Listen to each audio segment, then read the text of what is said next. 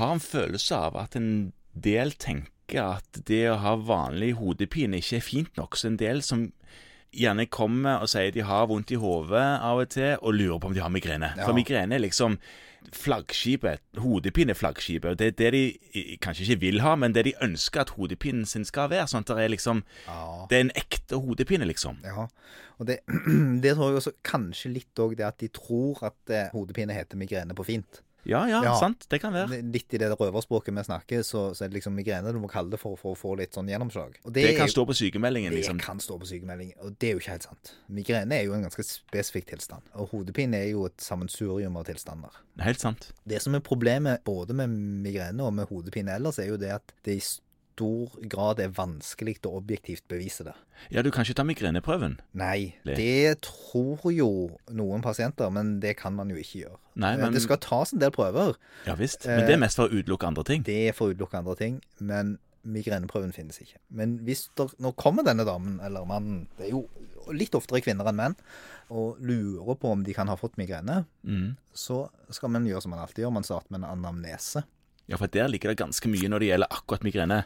Ja, når det gjelder hodepine generelt, og migrene spesielt. Migrene har man jo da typisk som ganske akutte, skikkelige anfall, og det er ordentlig vondt. Sånn vass 7 til 9 på en sånn vass-skala. Ja.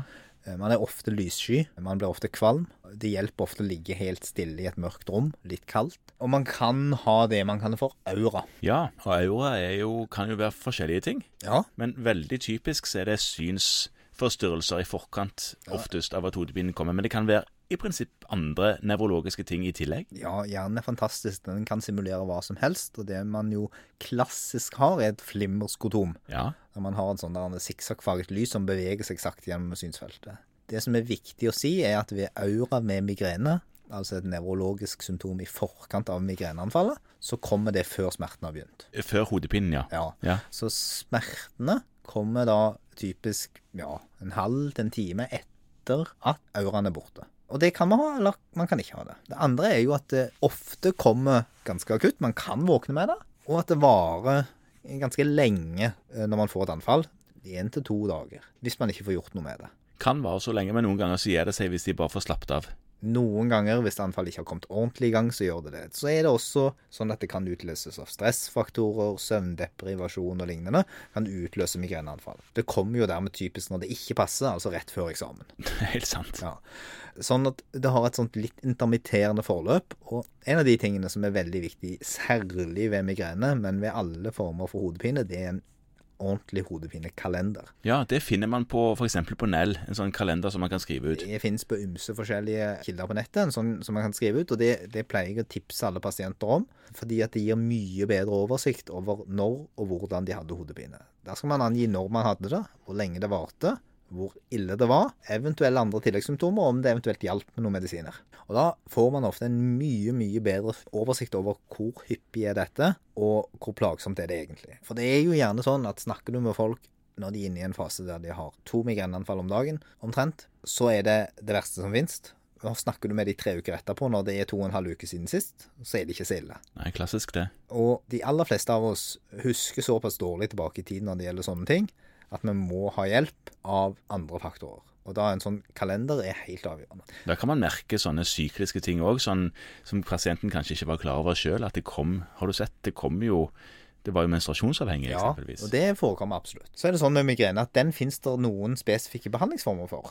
Som kanskje ikke funker så godt på andre hodepinetyper. Førstevalget er jo som oftest NSIDES. Ja. Hvis det fungerer, så er jo det relativt greie og enkle medisiner, og billige og kan brukes. Problemet med Insights er at det ikke alltid er nok ved migrene, og at hvis du spiser enorme mengder av det, så kan du utvikle noe vi kaller for medikamentindusert hodepine. ja, noe så tåpelig som en hodepine som kommer fordi du tar medisiner mot hodepine. Ja. ja.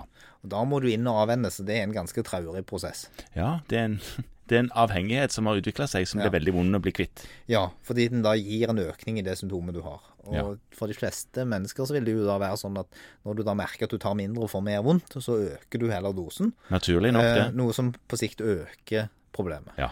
Så hvis det er ikke er nok, så anbefaler vi å gå til det som heter triptaner. Og det er jo egentlig en medisin man ikke bruker for noen ting annet enn migrene. Nei, det er jo noe som trekker sammen blodårer. Og derav denne tanken om at det har noen ting med vasodilatasjon å gjøre. Og det har det nok på et eller annet nivå. Men vet jo ikke akkurat nøyaktig hva.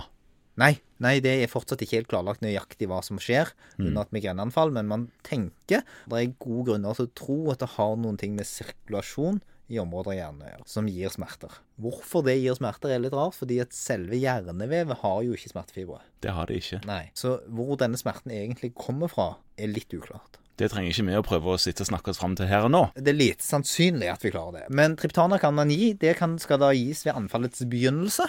Det skal ikke tas forebyggende, og det er viktig. Så det skal ikke tas hvis de tror de får vondt. Det skal tas hvis de har fått vondt. Men da skal det tas fort. Så det er en sånn medisin som man må ha med seg. For de som har aura og vet at dette her er et forvarsel, så kan de ta det da.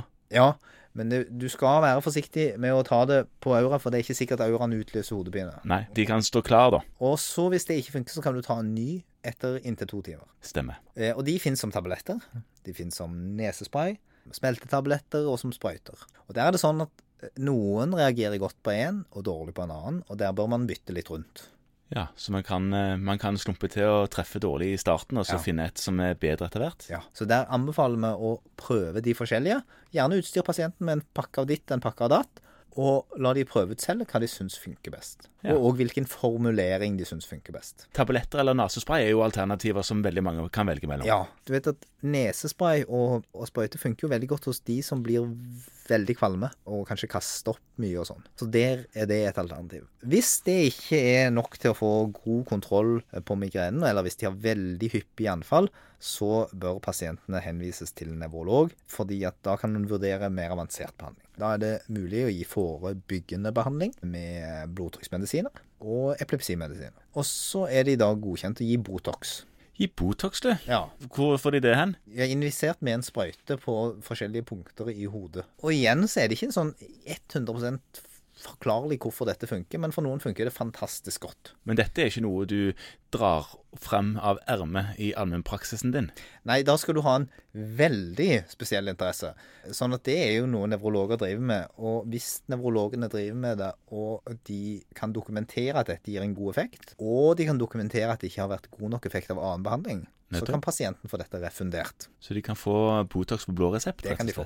Og behandlingen må jo repeteres sånn omtrent hver tredje måned. For noen er det en kjempegod behandling. Verdt å vite om at det finnes, iallfall. Det er verdt å vite om at hvis du ikke kommer til målet med det du klarer å utstyre dem med på kontoret, så kan det være fornuftig å henvise disse pasientene. Ja, for det er jo andre ting òg som du kanskje ikke gjør så ofte. Det er sånne kjempedoser med injisert triptanbehandling. Ja, sånne ting som er litt på siden av det, skal vi nok overlate til spesialistene. Ja.